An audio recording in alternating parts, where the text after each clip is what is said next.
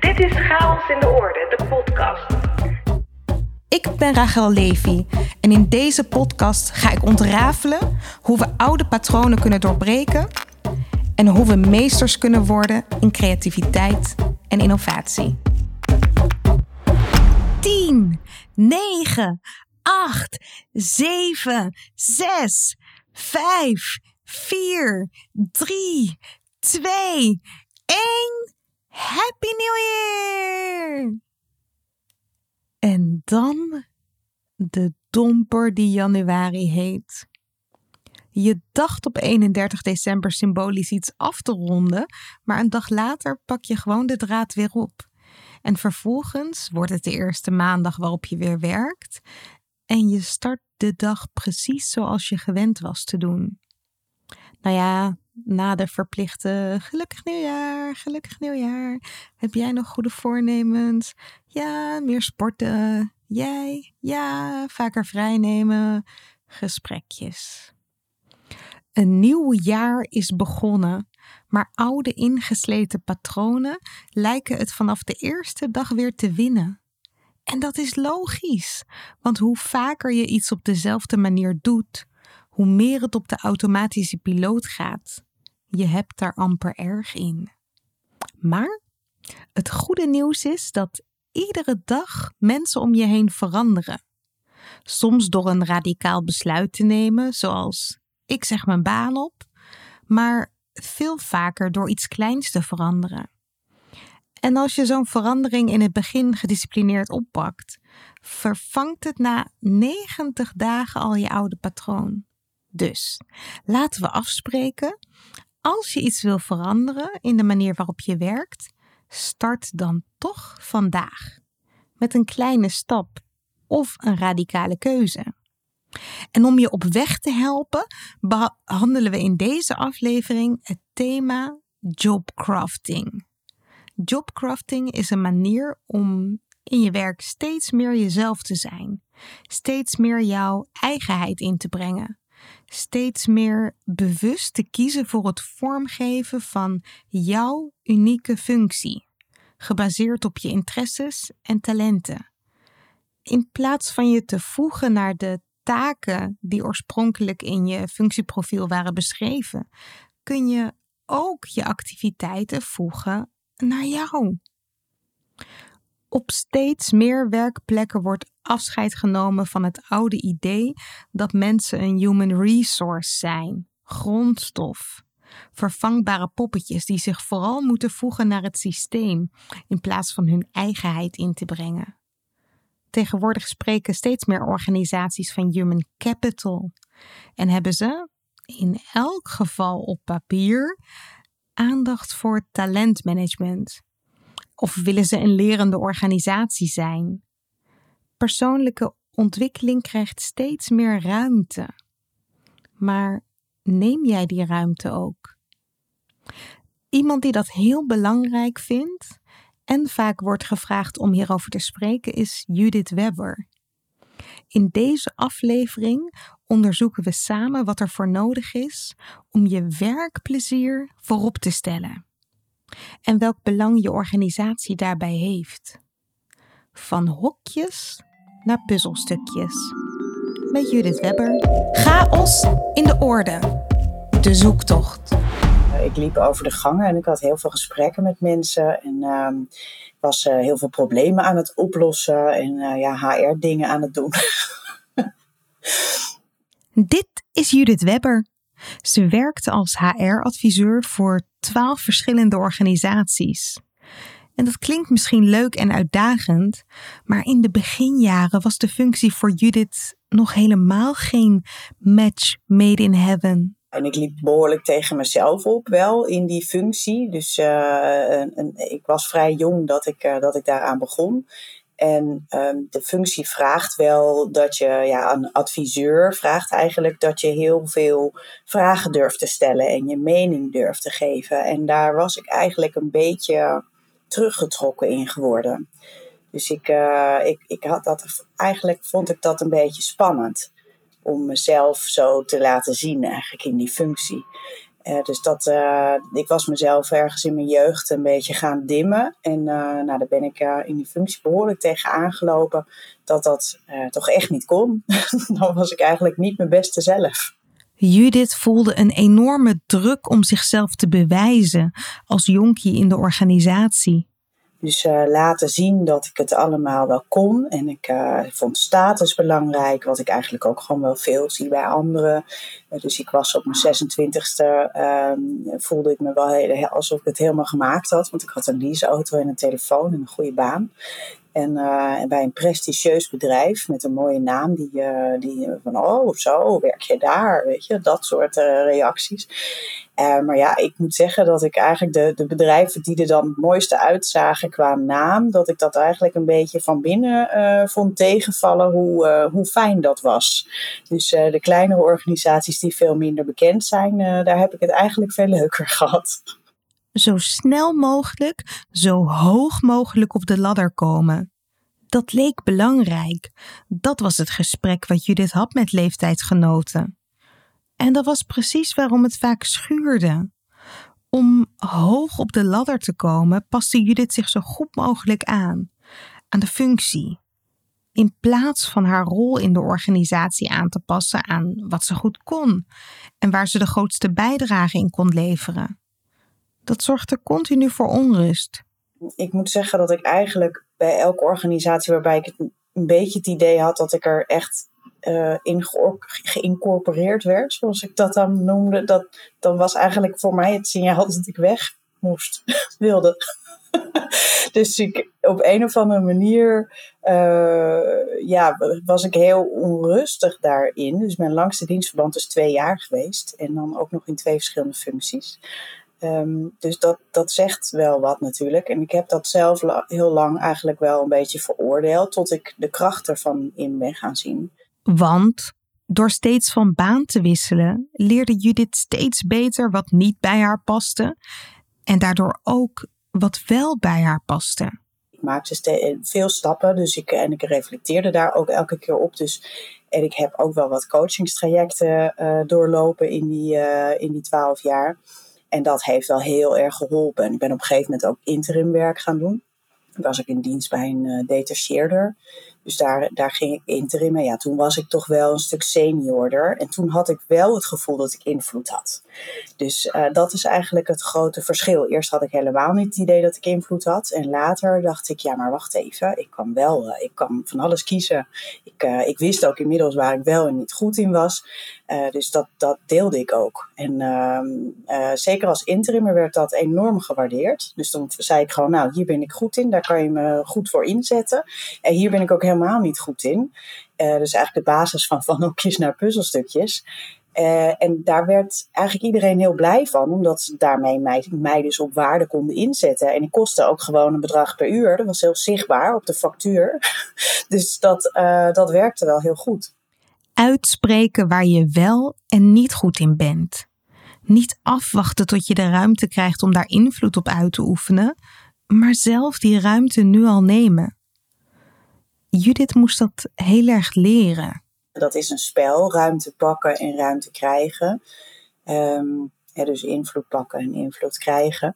Um, dat is eigenlijk hetzelfde ja, dat is iets wat gegroeid is. Ik, ik heb er wel altijd interesse in gehad. Want volgens mij in een van mijn eerste banen ben ik al inzicht in invloed uh, gaan doen, een training. Dus, uh, dus om toch te kijken waar heb ik wel invloed. Dus waar kan ik, uh, waar kan ik iets doen en, en waar moet ik me maar overgeven aan hoe het is.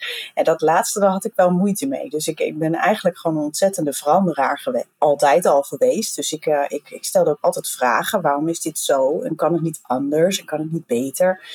En dat, ja, daar kreeg ik toch wel vaak de deksel op mijn kop. Um, omdat mensen er eigenlijk geen antwoord op hadden. Dus dat werd dan ook minder gewaardeerd. Dus uh, omdat ze ja, het antwoord eigenlijk niet wisten. Of ze zeiden gewoon alleen maar zo doen we dat nou eenmaal hier. Die ken je vast wel. Judith snapt wel dat het zo'n worsteling is om de omslag te maken van regels naar ruimte. Hoewel steeds meer organisaties zich anders willen organiseren en aandacht hebben voor thema's als werkgeluk, komen we uit een ander tijdperk waarin we andere dingen belangrijk vonden. En daar komen we niet zo makkelijk van los. Er wordt op, dit moment in, in ieder geval in Nederland heel erg gewaardeerd dat we uh, problemen oplossen en dat we doen wat we moeten doen. En dat is natuurlijk ook wel uh, ergens ook belangrijk, want een bedrijf heeft ook een opgave en een, uh, een bepaald doel en wil ook dingen bereiken. Um, maar ja, uh, mensen, ik bedoel, het, zit al in het woord HR. Mensen zijn heel lang gezien als resources. Dus als poppetjes in een fabriek, bij wijze van, die gewoon de dopjes erop moeten draaien en verder hun mond moeten houden.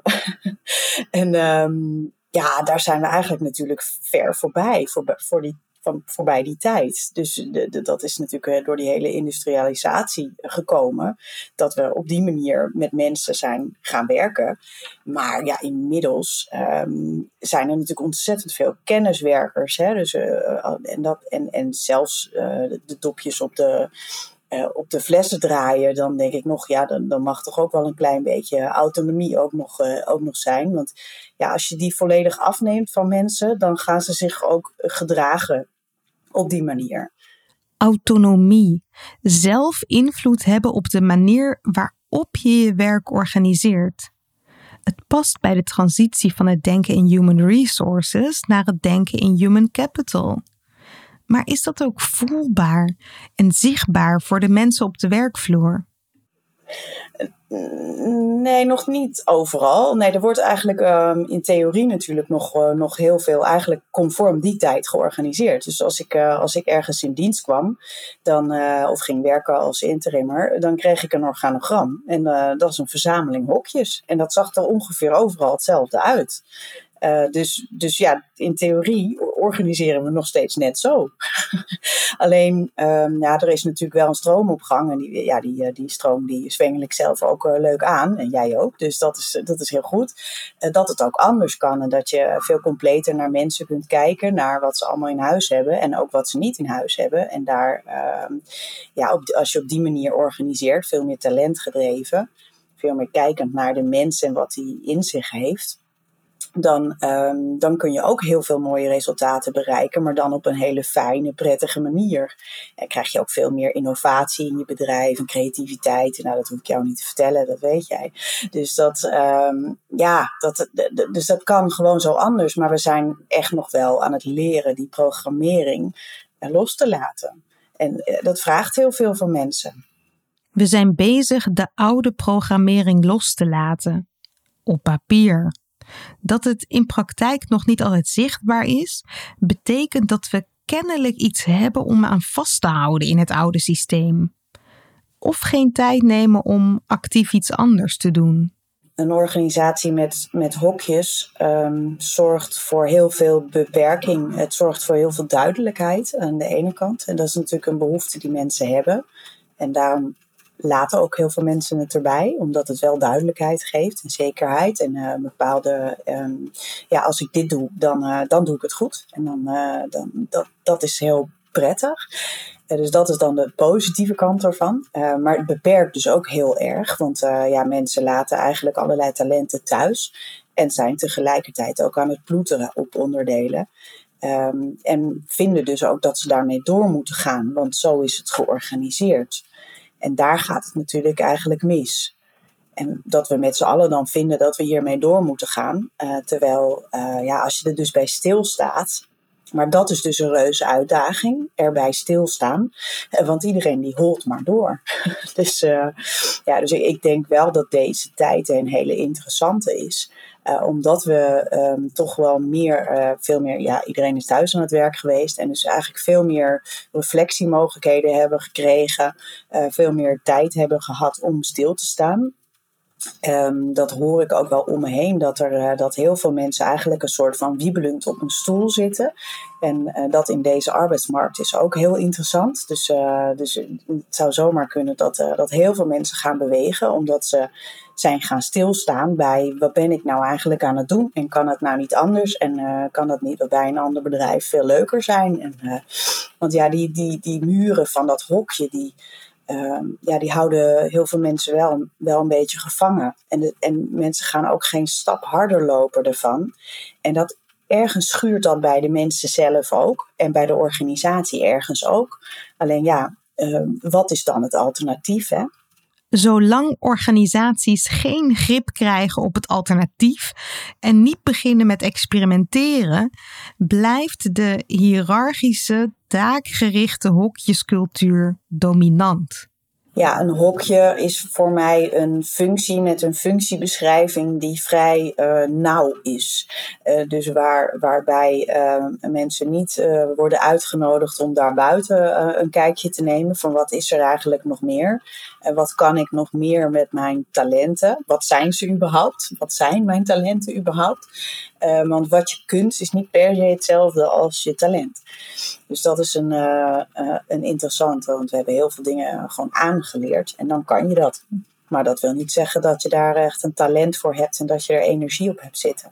Dus dat zijn verschillende dingen. Um, ja, dus bepaalde onderdelen van taken, uh, van, van, van functies, dus taken bijvoorbeeld of activiteiten, daar kan iemand echt een ontzettende hekel aan hebben. En uh, dat ook uh, uitstellen en eigenlijk ook helemaal niet, niet zo fantastisch aan het doen zijn. En dat noem ik dan ploeteren. Um, en dat is gewoon ontzettend zonde. En, en iedereen heeft wel zo'n aspect in zijn werk. Dat durf ik inmiddels wel te zeggen. Uh, na acht jaar hier al mee bezig te zijn. Um, iedereen komt met een lijstje waar hij eigenlijk wel vanaf zou willen. En dat is reuze interessant natuurlijk, want waarom doen we dat dan niet? Ja, waarom doen we dat dan niet? Waarom zou je je meest schaarse bronnen als tijd en energie besteden aan ploeteren. Mensen hebben het idee dat dat niet mag. Dus uh, nee zeggen is uh, niet iets wat we echt heel erg geleerd hebben eigenlijk. Ja zeggen wel, dus dan komt er een leuk project voorbij en dan zeg je ja. En dat, dat is heel erg geaccepteerd. Maar dat je dan nee zegt tegen iets anders, of überhaupt nee zegt zonder dat er iets bij komt, um, dat is nog niet erg, uh, erg normaal. Dus ja, dan moet je dus ook naar, naar de pijn toe eigenlijk. Hè? Dus je moet durven toegeven dat je iets niet uh, leuk vindt of niet goed kunt. Dat is nog lastiger. Uh, want ja, stel je voor, dat wat, wat zijn dan de consequenties? Daar zit heel veel angst. In de huidige cultuur betekent jobcrafting of je functie aanpassen aan je talenten dus vaak extra activiteiten. Iets erbij, iets ernaast. Ja zeggen tegen een kans die zich voordoet.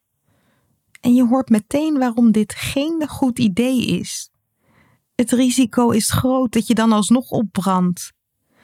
En toch is jobcrafting aan zich wel een goed idee. Doen wat je leuk vindt en waar je goed in bent, geeft veel meer energie en maakt je creatiever. Het vraagt wel dat jij leert om ja en nee te zeggen en transparant bent over wat je belangrijk vindt en over wat je wel en niet goed kunt. En als jij transparant bent, moet de organisatie dat ook zijn. Dus niet het ene zeggen en het andere doen, vindt Judith. En uh, dat vraagt best wel veel bewustwording om een verschil te zien tussen wat je zegt en wat je doet. Dus ik, heb laatst ook weer een verhaal gehoord van iemand die, uh, die solliciteerde bij een bedrijf. En die zei dat ze vertrouwen heel belangrijk vonden. Maar ondertussen uh, vertelde ze ook hoe ze omgingen bijvoorbeeld met een zieke medewerker. En het bleek uit het voorbeeld dat er gewoon nul vertrouwen was. Dus, dus dat zijn dan dus de daden. En ja, dan heb je dus iemand nodig die je daarop durft te wijzen, op die incongruentie. En dan moet je er ook nog voor openstaan om daar iets dan aan te gaan doen. Want dat is echt best wel super confronterend. Dat eigenlijk je, je woorden en je daden niet in lijn zijn met elkaar. Maar ja, ik zou ze de kost niet gaan geven. dus daar is nog best wel uh, wat te doen. En dat, ja, dat komt denk ik toch door bewustwording. Het is geen onwil of zo. Dus mensen willen dat echt wel, alleen ze lopen gewoon tegen zichzelf op. Als we allemaal radicaal eerlijk zouden zijn en elkaar zouden spiegelen op het moment dat woorden en daden niet met elkaar in lijn zijn, zou er vanzelf meer beweegruimte komen. Dan kun je namelijk met elkaar vaststellen wie op de goede plek zit en wie niet, wie veel te veel ploetert met taken, terwijl een ander die taken juist met heel veel plezier zou oppakken de boel lekker opschudden als het gaat om functies en taken zou een goed idee zijn. En het zal zeker ook een aantal mensen pijn doen. Zeker als ze in het functiegebouw de spreekwoordelijke ladder hebben beklommen en waarde hechten aan de hiërarchische plek die ze daarmee hebben verkregen. En daar zit ook denk ik een grote, grote kans, want heel veel leidinggevenden zijn leidinggevenden geworden door een promotie. En niet door een hele bewuste stap van ik wil leiding geven, ik wil mensen laten floreren, ik wil uh, mensen helpen ontwikkelen en helpen groeien. Kijk, als, als dat allemaal aan de hand is, dan zou ik zeggen, ja, doe die promotie. Maar heel vaak komt het toch uit een volgende stap in het salarisgebouw. En uh, dat durf ik inmiddels na al die jaren wel te zeggen. Dat, uh, en dat is echt super zonde. Want dat zijn precies de mensen die het dus helemaal niet leuk vinden om ontwikkelingsgesprekken te voeren. En ook hun eigen ontwikkeling eigenlijk lastig te vinden. Uh, want dat was niet waar ze voor getekend hebben. dus daar, daar zitten ook gewoon nog heel veel kansen. Dat, dat, ik denk dat er gewoon heel veel mensen eigenlijk niet goed op hun plek zitten. Waaronder heel veel leidinggevenden. Als je hecht aan je hokje, om de status die je geeft, sta je misschien niet te popelen om veel meer talentgericht te organiseren. Het kan betekenen dat je beter geen leidinggevende meer zou moeten zijn. Maar het onderzoeken van talentgericht werken zou je ook heel veel kunnen opleveren. Misschien wordt je baan wel veel leuker, omdat je team veel gelukkiger is als jij talenten ruimte geeft voor mij gaat van hokjes naar puzzelstukjes alleen maar over ontwikkeling. Dus uh, over ontdekken waar je natuurlijke talenten liggen. En ik zeg bewust natuurlijke talenten. Dus niet dat wat je allemaal aangeleerd hebt, maar wat je allemaal in je hebt. En dat we daar de aandacht op zetten, omdat het allemaal veel makkelijker gaat. Um, en je hebt ook te ontdekken waar je non-talenten liggen. Dus waar je helemaal geen energie van krijgt. Waar je wel training en coaching tegenaan kan gooien. Maar wat gewoon geen zin heeft. Omdat je daar eigenlijk helemaal geen energie op hebt zitten. Omdat je het niet wil. Dus dat is al een hele belangrijke. Dus daar veel meer uh, zelfonderzoek in doen. Dat is gewoon een, uh, eigenlijk een basis. Hè. Zelfkennis is het begin van alle, alle wijsheid, uh, zei Aristoteles volgens mij al. Dus dat is al zo oud als, als ik weet niet hoe. Um, maar dat is natuurlijk wel zo. Dus hoe beter je jezelf kent, hoe, hoe beter je jezelf ook kunt inzetten. En hoe meer voldoening je ook kunt creëren voor jezelf. En dus daar, daar zit heel veel voor medewerkers. En ook leren zich uiten. Uh, daar heb ik natuurlijk zelf ook heel erg veel in mogen leren. Dus uh, leren woorden te geven aan hoe je je voelt en uh, hoe je tegen dingen aankijkt. Dus ook je mening durven geven zonder het idee te hebben dat je afgeschoten wordt. En ehm, dus eigenlijk door de, door de angst heen of de angst mee te nemen eigenlijk in de beweging. Het mag best wel in het begin spannend zijn, was het voor mij ook is helemaal niet erg. We denken dan dat we meteen helemaal angstvrij moeten zijn, maar dat is ook een beetje een utopie, denk ik. Dus uh, het doen terwijl je het spannend vindt, kan ook gewoon. Dus dat, uh, dat is wel de eerste stap. Um, dus daar zit heel veel. Dus zelfkennis en je leren uiten. En voor um, leidinggevenden um, is het durven vertrouwen. Durven vertrouwen dat mensen het juist als je ze een beetje ruimte gaat geven. En dat, ja, dat, dat is heel confronterend, want dan moet je dus eigenlijk toegeven dat je dat dus niet deed. Jobcrafting kun je voor een deel alleen. Door ja te zeggen tegen wat je leuk vindt en nee te leren zeggen tegen taken waar je op moet ploeteren. Talentgericht werken doe je samen. Daarbij werk je met elkaar aan een ander soort organisatiecultuur. Een transparante cultuur waarbij je met elkaar de klus klaart en iedereen tijdens dat klaren van de klus de beste versie van zichzelf kan zijn. Kijk, als mensen zichzelf veel beter kennen en dus ook weten waar ze, waar ze enthousiast van worden en waar ze niet enthousiast van worden, dan zijn ze veel meer vanuit hun eigen energie en talent aan het werk um, krijg je veel betere resultaten. En als mensen zich dan ook nog durven uiten over wat ze, wat ze vinden, ideeën genereren, dus daar zit creativiteit. Hè? Maar je moet wel dus die ruimte krijgen. Dus dat is ook nog een belangrijke voor, uh, voor leidinggevenden, om dan ook echt die ruimte te gaan geven. Ruimte en vertrouwen is eigenlijk niet heel anders. Hè? Dus, uh, dus ruimte geven, vertrouwen geven. Um, dus daar, daardoor uh, door wel te gaan waarderen dat mensen met ideeën komen, uh, gaan mensen makkelijker met ideeën komen. Dat is eigenlijk heel simpel. En als ze dat een tijd lang hebben afgeleerd, dan moeten ze dat ook wel weer even een beetje, dan moeten ze wel een beetje aan wennen. Dus heel vaak zie je dan wel dat als uh, een, een leidinggevende daarmee gaat experimenteren, dat het dan niet meteen uh, tot resultaat leidt, omdat mensen er ook aan moeten wennen en een beetje snuffelen en kijken van ja, meent hij het nou echt? Dat ik dat echt, mag ik dat echt? Weet je, dus dat, dat kan echt wel een tijdje duren, afhankelijk van hoe lang het geduurd heeft uh, dat het afgeleerd is. Om meer jezelf te kunnen zijn, moet je waarschijnlijk dingen afleren. En dat klinkt misschien tegenstrijdig, dat je eerst iets van jezelf moet loslaten om vervolgens jezelf te kunnen zijn. Maar het is wel zo. Anders blijf je toch vanuit oude, aangeleerde overtuigingen handelen en verval je steeds weer in dezelfde patronen, waardoor je ook steeds weer in dezelfde situaties terechtkomt. Die situaties waarin je aan het ploeteren was, waar je energie verloor, waarin je niet tot bloei kwam. Maar het loslaten daarvan vraagt wel om wat compassie met jezelf en met anderen. Dus ik zeg altijd dat we terug mogen naar uh, onze natuur. Dus het is niet eens zozeer dat we dat moeten aanleren, we moeten eigenlijk afleren om onze mond te houden. Uit angst. Dus, dus dat vind ik ook wel het hoopvolle daaraan. Um, ik sprak laatst ook met iemand die, uh, die zei ook van uh, ja, compassie uh, ging dat dan over. En daar gaat dit eigenlijk ook over. Om compassie met jezelf hebben, dat je dingen nog niet, nog niet kan, maar ook met een ander. dat hij daar lerend in is. En ja, compassie is iets wat we eigenlijk van nature heel goed kunnen. Uh, maar ook een soort van afgeleerd hebben. Misschien wel is het er wel uitgeslagen. Weet je, er zijn, er zijn mensen die, uh, die hele nare jeugd, uh, een hele nare jeugd hebben gehad, waarin ze eigenlijk alleen maar te horen hebben gekregen dat ze niet deugen. Ja, dan, dan is compassie voor jezelf gaan voelen een heel proces. Dus het is, ja, dus iedereen heeft daar ook een eigen tempo in.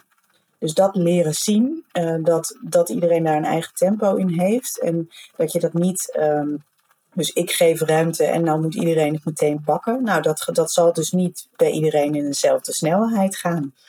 Dat, dat heeft echt te maken met, met iemands rugzak. We mogen completer kijken naar onszelf, maar ook naar onze collega's. Als we elkaar beter begrijpen, kunnen we elkaar ook meer ruimte geven. En je hoeft helemaal niet alles te weten van iemand. Want uh, ik, ik, ben ook wel eens leidinggevende tegengekomen die een beetje in de coach, uh, bijna therapeutrol stapte. En die dan helemaal het ging hebben over je jeugd en weet ik allemaal wat. Nou, dat vind ik eerlijk gezegd heel onveilig. Um, ik denk, oh, blijf, blijf daar alsjeblieft weg. Maar je kan wel compassie hebben voor het tempo wat iemand laat zien. En, en, en als iemand zelf de behoefte heeft om daar dingen over te uiten, nou prima, daar kan je natuurlijk best naar luisteren. Maar ik zou je er niet mee gaan bemoeien. daar zijn andere mensen voor. Die daarvoor geleerd hebben, denk ik dan. Goed.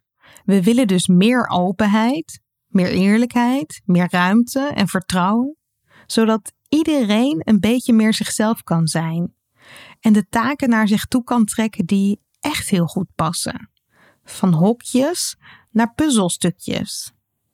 Maar wat betekent dat voor ons huidige stelsel? Wat betekent het bijvoorbeeld voor onze beoordelingscyclus?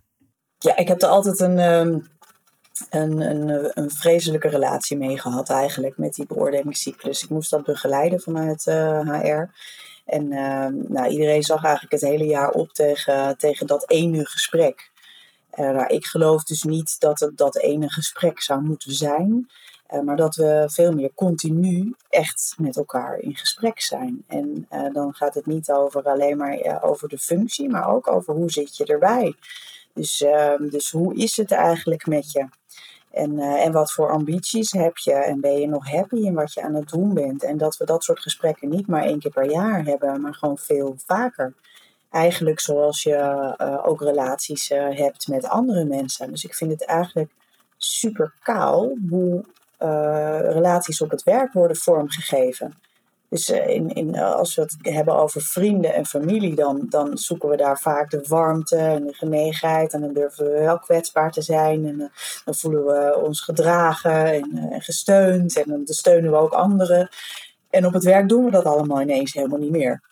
Nou, dat snap ik helemaal niks van. dus, ik dus ik denk dat, het daar, dat daar heel veel mogelijkheden zitten om, ehm, om het wel voor elkaar te krijgen. En dus ook dat beoordelen dus niet maar meer één keer eh, per jaar een gesprek is, maar veel meer een continu gesprek. En, en dat mensen dat niet alleen maar één op één in een kamertje van elkaar weten, maar dat ook het plenaire gesprek gestimuleerd wordt. Want dat is iets wat ik met van hokjes naar puzzelstukjes zo um, opvallend vind. Dat heel veel mensen dus in een team, die werken dagelijks met elkaar samen, maar ze weten echt bijna niks van elkaar. Gewoon helemaal niks. Omdat ze het er gewoon nooit over hebben. Dus niemand heeft het ooit over waar hij dan over aan het ploeteren is en, uh, en, en wat hij graag zou willen qua ambitie. Ja, nou ja, tenzij je dat dus creëert. Hè? Tenzij je daar dus echt ruimte, bewust ruimte voor creëert om dat erover te hebben in een team. Uh, met een leidinggevende die daar het goede voorbeeld in geeft. Dus dat zijn wel wat randvoorwaarden, maar het kan wel. En ik heb gelukkig heel veel mensen ook gesproken inmiddels die dit wel zo doen. En dat is heel hoopvol. Dus, uh, en dat, dat zijn dus ook florerende teams en florerende organisaties. Meer van elkaar weten, nieuwsgierig zijn. Dat is het gesprek dat thuis hoort in een talentgerichte organisatie. En dat betekent niet per se dat je weet of je collega van ballet houdt of Frans spreekt, maar wel dat je weet wat er in iemand omgaat als het gaat om werk. Dus als iemand het nou vreselijk vindt om rapportages te maken, bijvoorbeeld, en dat zit wel in zijn functie, um, ja, dan waarom zijn we dat dan zo aan het doen? Weet je? Terwijl er misschien wel iemand anders in het team zit die zegt: Nou, laat mij dat gewoon doen. Ik vind het fantastisch. Ik word er heel blij van. En dat levert dan ook een veel beter resultaat op. En overigens kan best op Frans spreken en ballet um, ook uh, werken. Want uiteindelijk eh, gaat het om verbinding. Dus wat voor verbinding leg je met elkaar? En uh, kijk, als jij niks met ballet hebt, dan heb je daar dus, dus, geen verbinding mee. Maar als iemand anders dat wel heeft, die denkt dan, oh, dat is leuk, ga ik het daar even over hebben. Dus juist, ja, we zoeken dat soort gezamenlijkheid eigenlijk altijd op. Hè? Dus als je een nieuw iemand uh, leert kennen, dan, dan kijk je ook, uh, althans dat doe ik, kijk ik ook wel even naar wat is dat voor iemand? Waar is die mee bezig? En, uh, en, en waar, waar zie ik al meteen raakvlakken?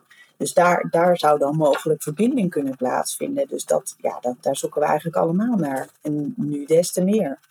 De trend om mensen samen te brengen op basis van talent en interesse is al gaande. Opgavegericht werken is bijvoorbeeld zo'n vorm. Je wordt toegevoegd aan een tijdelijk opgaveteam op basis van jouw talenten en vaardigheden. Zo kun je af en toe ontsnappen uit je hokje en een relevante bijdrage leveren op een plek waar die ook echt gewaardeerd wordt. Deze manier van werken zal misschien niet voor iedereen zijn, maar is op zijn minst interessant om te overwegen. Ik weet niet of je elk, elk type functie per se zo kunt organiseren. Kijk, je ziet sowieso in projectorganisaties zie je dat dit gewoon wel gebeurt. Dus uh, in projectorganisaties is het volkomen normaal dat we, dat we mensen op basis van energie en talent uh, toevoegen.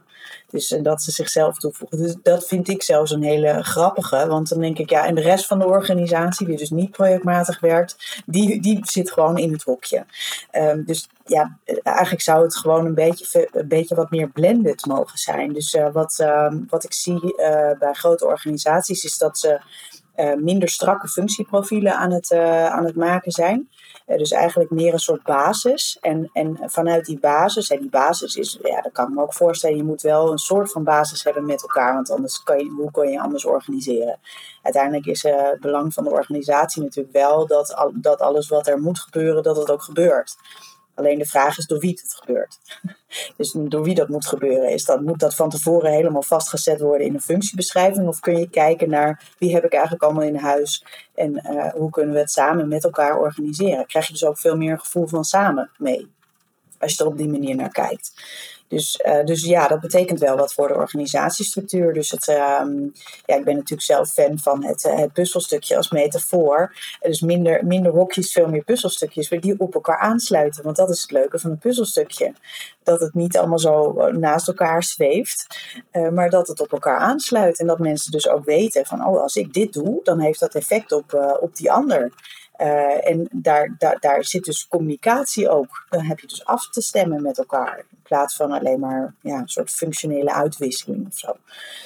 dus ja, ik, ik geloof wel in dat, dat die flexibiliteit ook nodig is als je kijkt naar de markt. En uh, de, de, de wereld verandert zo ongelooflijk snel. Kijk maar naar de afgelopen paar jaar. Uh, ja, ja nu, uh, nu gaat het dan over een pandemie, maar andere keren zijn het weer andere ontwikkelingen. Er, gaat, er is gewoon ontzettend veel verandering. En eigenlijk hebben we als organisaties daar ons klaar voor te maken dat we wendbaar zijn. En die hokjes zijn helemaal niet wendbaar. Er is niks wendbaar aan een hokje. Dus, dus ik denk wel dat dit de, de, de manier is om voor de toekomst ook klaar te zijn. Eerder had ik het in aflevering 29 met Gideon Peters over agile werken. Wendbaar organiseren. Daarbij werk je met een projectteam in korte sprints naar een resultaat. Het samenstellen van die teams kun je heel goed doen op basis van interesses en talenten. Het openbreken van de organisatiestructuur biedt mensen ruimte voor jobcrafting. Ze kunnen dan zelf kiezen voor welke taken en projecten ze hun hand opsteken. Niet alleen deze trend van wendbaar organiseren geeft ruimte. De hele arbeidsmarkt biedt je nu de kans om je baan veel meer naar je eigen hand te zetten. Want er zijn minder banen dan geschikt personeel. En dat betekent invloed. Er is heel erg veel werk. Dus dat is sowieso wel heel interessant eigenlijk. Dat, dat het gewoon, het zegt ontploft gewoon. Um, dat betekent ook dat het dus voor mensen die aan het wiebelen zijn op hun stoel in een organisatie heel veel mogelijkheden liggen buiten de deur. Um, dat betekent dat je als organisatie eigenlijk veel meer op behoud zou mogen gaan inzetten. Uh, dus hoe zorg ik nou dat mensen het leuk blijven vinden hier? Want dan blijven ze. En als je, daar, als je dan even een beetje kijkt naar, naar volgende generaties, dan zie je wel dat die veel meer gewend zijn om te reflecteren op, uh, op zichzelf, um, om hun mond open te doen. Um, ja, om te weten wie, wie, ze, wie ze zijn. Eigenlijk zie ik, ik zie bij heel veel jonge mensen dat ze uh, een stevigheid hebben die ik niet had hoor, op die leeftijd. Uh, en een zelfkennis waar je u tegen zegt. En dat vind ik, uh, ja, dat vind ik echt opvallend. Dus dat is, dat is dus de generatie die er aankomt in volle glorie. Als ik naar mijn eigen kind kijk, die is dan nu 14. Dan denk ik, nou, die is, die is nog wel onzeker natuurlijk, want die zit midden in de puberteit. Maar, maar tegelijkertijd heeft hij ook een eigenheid nou, dat, dat vind ik echt weer prachtig. Weet je, die zal niet snel uh, meegaan ergens in omdat anderen dat doen. Is niet zo gevoelig voor groepsdruk. Dus dat is, ja, dat is wel heel interessant. En ik, ja, ik denk dat er steeds meer van die uh, eigen gerijde, uh, mondige mensen de markt op komen. Dus ja, daar moet je dan als organisatie ook wel op voorbereid zijn. Dat, dat is de toekomst van werken. Dus dat zijn de mensen die het, die het mogen gaan maken. En die, ja, er liggen natuurlijk ook nogal wat verantwoordelijkheden op hun bordje. Een nieuwe generatie betreedt de arbeidsmarkt. Een generatie die al veel meer waarde hecht aan zingeving en autonomie. Een generatie die veel ondernemender is, die geïnspireerd is door alle start-ups om ons heen en het liefst wil werken voor een organisatie die innoveert. En daar krijgen bestaande organisaties echt nog een flinke kluif aan. Want als je geen start-up bent, maar wel de cultuur van een start-up wilt, tja, ga er maar aan staan. En het helemaal anders te doen, dat is echt een stuk makkelijker dan uh, in een bestaande organisatie die zo gehokt is, een verandering te, teweeg te brengen. Dus dat is veel uh, lastiger. Een bestaande organisatie heeft altijd het verleden als remmende factor. Op organisatieniveau veranderen is bijna ondoenlijk. Het is per definitie de weg van de lange, lange adem. Juist daarom vindt Judith het interessant als mensen niet gaan wachten tot de organisatie er klaar voor is, maar zelf alvast in beweging komen. En in elk geval hun eigen baan, hun eigen rol gaan veranderen. En hoe je daarin de eerste stap zet? Ja, door te gaan kijken waar het niet leuk is en dat weg te halen. dat is echt wel mijn oplossing. ja, en dan vervolgens meer, meer leuk toe te voegen. Uh, dus in die volgorde. Want ja, wat ik vaak zie is uh, dat mensen proberen meer leuk toe te voegen, maar dat ze eigenlijk niet kijken naar waar ze het nou niet leuk hebben.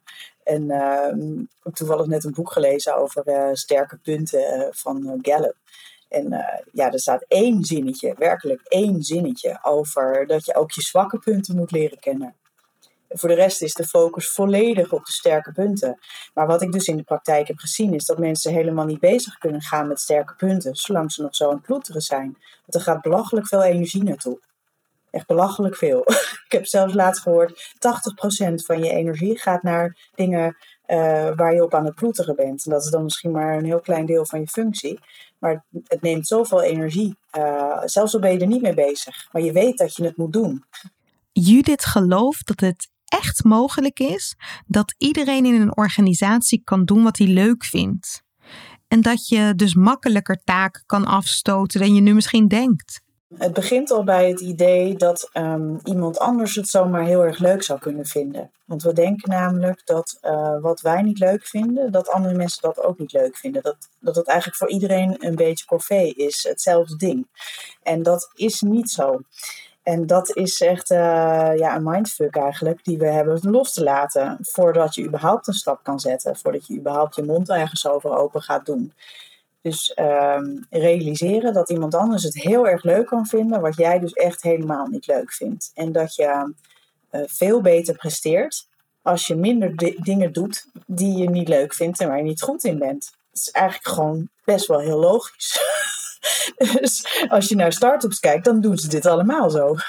dus zo zou je ook naar zulke organisaties kunnen kijken. En denken van ja, wat, wat doen zij daar anders? Nou, dat. Ze kijken echt naar, naar talent en, uh, en, en waar het ook niet zit. En het is toch best wel onzinnig eigenlijk om mensen dingen te laten doen waar ze gewoon helemaal geen waarde in toevoegen. Want dat is het punt. Je voegt niet je beste waarde toe als je niet op je best functioneert. En als we dan toch naar mensen kijken als human capital, ja, dan kost dit nogal wat. En het levert niet op wat het op zou kunnen leveren.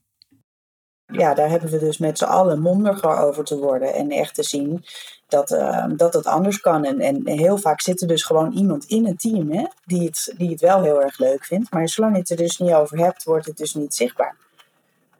Dus dat is, dat is de, de, de, de crux van dit geheel. Want ik, ik, zie, ik heb mensen echt, uh, bijna in elke sessie springt wel iemand op en die zegt dan mag ik het doen. Ja, dat, dat is toch ongelooflijk? En zelfs in, in zalen waar mensen elkaar niet eens kennen, eh, worden er uitwisselingen uh, georganiseerd voor zo voor mijn neus. Ik denk, hm, wat gebeurt hier? Dan gaan mensen elkaar automatisch helpen. Dus dat is ook zoiets moois. De hulpveiligheid komt ineens omhoog van mensen. Want we willen dus wel helpen. En zeker als je er wel energie op hebt zitten. Hè? Dus dat is de lol natuurlijk. Want, want dan wil je wel. Dan, dan ben je intrinsiek gemotiveerd.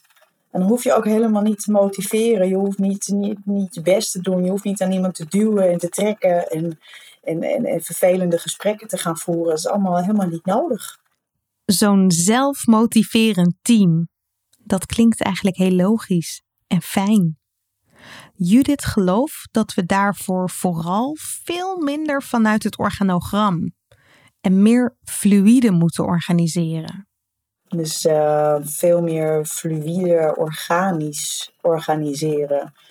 Uh, natuurlijk heb je uh, dingen die je wil doen vanuit de organisatie, dingen die je moet doen. Um, maar doe dat met de mensen die daar energie voor hebben. En, en dat, dat mag wisselen. En ja, ik, ik weet niet eens of de, of de organisatiegrenzen zoals we die nu kennen uh, straks er ook nog zo zullen zijn. Of dat we veel makkelijker uh, zien van we kunnen ook iemand van buiten. Is het dan nog wel buiten, weet je? We kunnen iemand anders daarvoor vragen. Uh, dus, dus dat die grenzen eigenlijk ook steeds meer gaan verdwijnen. Maar ik denk dat we eerst in organisaties nog wel wat te doen hebben hoor. Dus om daar de, de, de grenzen van de afdelingen alleen al te gaan ja, beslechten. Dat eigenlijk mensen elkaar veel makkelijker uh, ja, naar elkaar toestappen, elkaar helpen, op elkaar aansluiten, elkaar weten te vinden. Maar ik zie wel voor me dat er steeds minder grenzen zijn. Ja dat dat veel organischer is. Dus het puzzelstukje is wat mij betreft ook een organisch iets, zeg maar. Dus uh, ik teken dan nu op een bepaalde manier, uh, maar het, dat is niet in, in, in marmer gegoten, weet je. Dus dat is uh, net zo goed fluïde, want ik verander, ik ontwikkel en, en, en anderen ook. dus het, het is een, daarom is het continue gesprek zo belangrijk. Dat je, dat je aangesloten blijft met jezelf en met elkaar. Dus dat zie ik voor me. 10, 9, 8, 7, 6, 5, 4, 3, 2, 1. Happy New Year! En dan de domper die januari heet. Je dacht op 31 december symbolisch iets af te ronden, maar een dag later pak je gewoon de draad weer op. En vervolgens wordt het de eerste maandag waarop je weer werkt en je start de dag precies zoals je gewend was te doen. Nou ja, na de verplichte gelukkig nieuwjaar, gelukkig nieuwjaar. Heb jij nog goede voornemens? Ja, meer sporten. Jij? Ja, vaker vrijnemen. Gesprekjes. Een nieuw jaar is begonnen, maar oude ingesleten patronen lijken het vanaf de eerste dag weer te winnen. En dat is logisch, want hoe vaker je iets op dezelfde manier doet, hoe meer het op de automatische piloot gaat. Je hebt daar amper erg in. Maar het goede nieuws is dat iedere dag mensen om je heen veranderen. Soms door een radicaal besluit te nemen, zoals ik zeg mijn baan op, maar veel vaker door iets kleins te veranderen.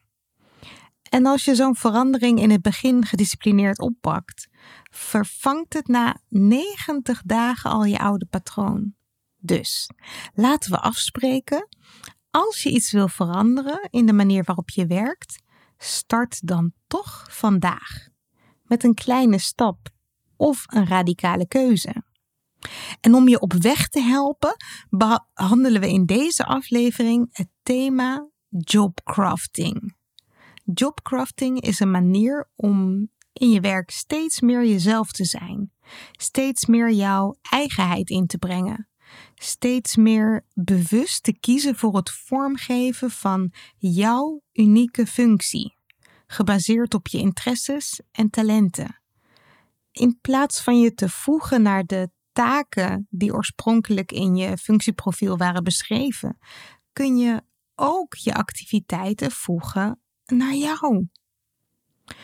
Op steeds meer werkplekken wordt afscheid genomen van het oude idee dat mensen een human resource zijn, grondstof, vervangbare poppetjes die zich vooral moeten voegen naar het systeem in plaats van hun eigenheid in te brengen. Tegenwoordig spreken steeds meer organisaties van human capital en hebben ze, in elk geval op papier, aandacht voor talentmanagement. Of willen ze een lerende organisatie zijn? Persoonlijke ontwikkeling krijgt steeds meer ruimte. Maar neem jij die ruimte ook? Iemand die dat heel belangrijk vindt en vaak wordt gevraagd om hierover te spreken is Judith Webber. In deze aflevering onderzoeken we samen wat er voor nodig is om je werkplezier voorop te stellen en welk belang je organisatie daarbij heeft. Van hokjes naar puzzelstukjes. Met Judith Webber. Chaos in de orde. De zoektocht. Van hokjes naar puzzelstukjes. In een puzzel die best kaders mag hebben, maar waarbinnen de losse stukjes steeds weer mogen veranderen en het meest passende plekje mogen vinden. Je baan zelf vormgeven. Ik weet dat het kan. Ik heb het zelf gedaan.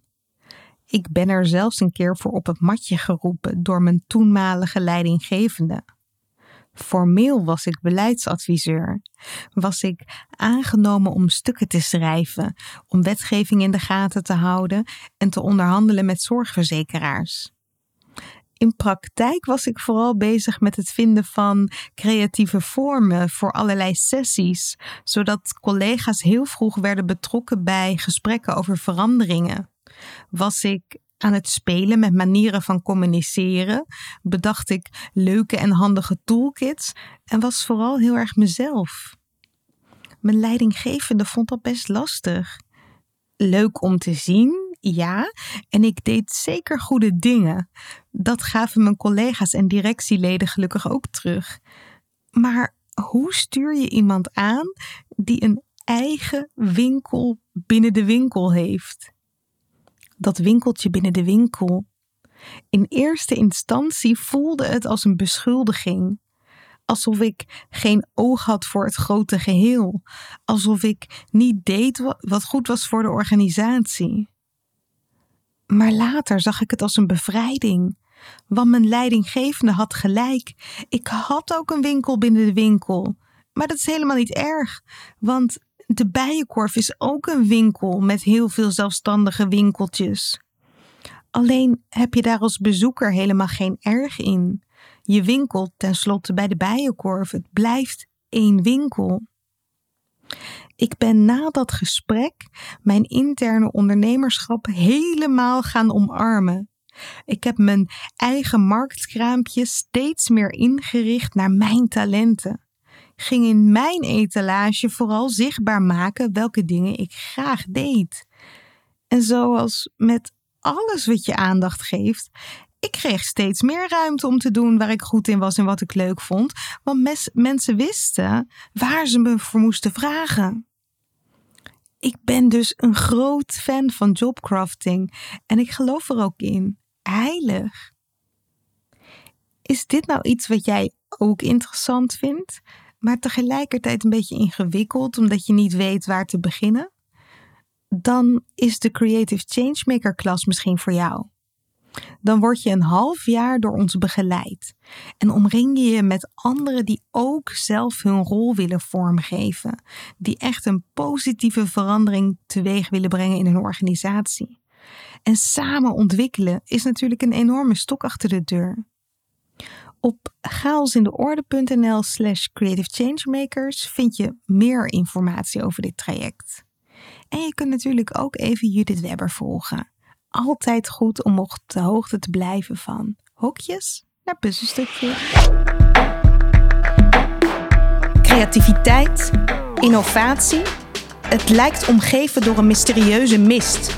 Een geheim voor briljante breinen en getalenteerde kunstenaars.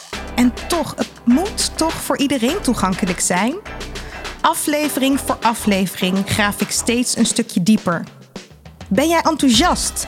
Abonneer je dan op deze podcast en laat een review achter in de app waarmee je luistert. Hoe meer reviews we ontvangen, hoe meer mensen deze podcast kunnen vinden. Zo zorgen we samen voor meer chaos in de orde. Wil jij zelf chaos in de orde brengen? Download dan gratis het e-book Chaos. 10 manieren om patronen te doorbreken. Je vindt het op chaosindeorde.nl/slash podcast. Deze podcast wordt je aangeboden door Huis van Verbeelding, het bedrijf voor zakelijke creativiteit. Tot de volgende keer en veel chaos!